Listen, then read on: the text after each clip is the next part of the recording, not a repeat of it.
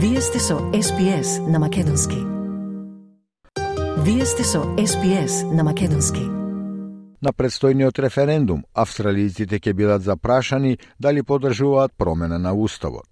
Том ќе започне пребројувањето на гласовите, тоа може да потрае неколку дена или дури недели за да се добие конечниот резултат. Но ако успее, исходот од референдумот тогаш ќе оди кај генералниот говернер Дейвид Харли. Уставот ќе биде променет за да ги признае првите народи на Австралија со формирање на глас на абориджините и народите од Торес Теснецот. Експертот за уставно право, професорката Шерил Саундерс од Универзитетот во Мелбурн, вели дека тогаш ќе зависи од парламентот да утврди како советодавното тело да работи и додава дека ќе треба да се подготви законодавство за да се формира гласот, да се обезбеди неговиот став и функции. Исто така ќе треба внимателно да се размислува во владата и парламентот како за тоа ќе се поврзе со гласот и како одговорите на тоа ќе се одрзат во The next thing that will need to happen uh, is that legislation will need to be drafted uh, to set the voice up, provide for its composition and functions and so on. There will also need to be some uh, careful thought given within the government and parliament as to how it will relate to the voice and how uh, the answers to that will be reflected in legislation. Принципите на разгледување на ова веќе се поставени преку процес на кодизајнирање но професорката Ентјуми од Универзитетот во Сидне вели дека дури ако биде усвоен со значително двојно мнозинство на тестот за референдумот, може да поминат години за гласот да стане реалност. This might take a while. It could take a year, it could take longer. I would imagine that the Albanese government would want to get it done during this term of office just to make sure that it can complete the pro project. In the past, establishing other bodies like the High Court of Australia, did take a number of years from um, after the point at which the Constitution required them to exist. Алтернативата е нацијата да гласа против на 14 октомври.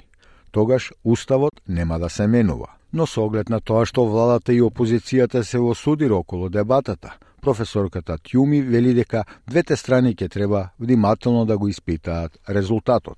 Both sides will be looking very closely to try and work out the reasons for the voting in the referendum in order to give them a strong indication of what is wanted by the Australian people. So all of this really comes down to trying to work out what the Australian people meant by no vote uh, and uh, it's quite a difficult thing to, to work out. Една потенцијална иднина, изгледите за уште еден референдум само за уставното признавање, веќе беше означена од лидерот на опозицијата Питер Датон. Професорката Саундерс вели дека како резултатот од референдумот влијае на некои од барањата за воспоставување договори со луѓето од првите нации е исто така прашање на тековна дебата. In a sense, that can happen, whatever the outcome of the referendum.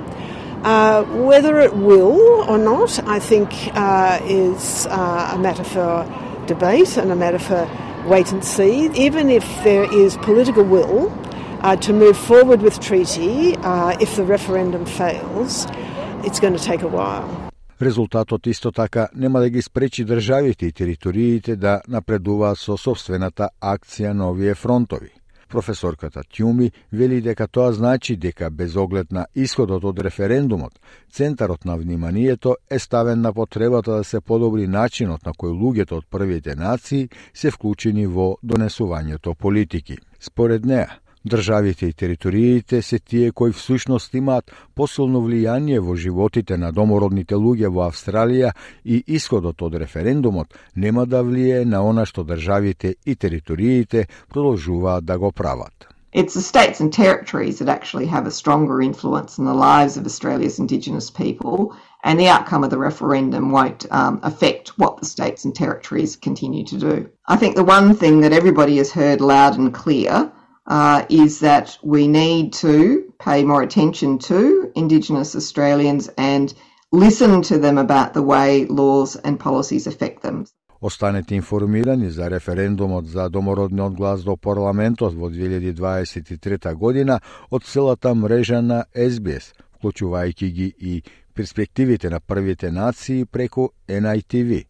Посетете го порталот SBS Voice Referendum за да пристапите до статии, видеа и објави на повеќе од 60 јазици.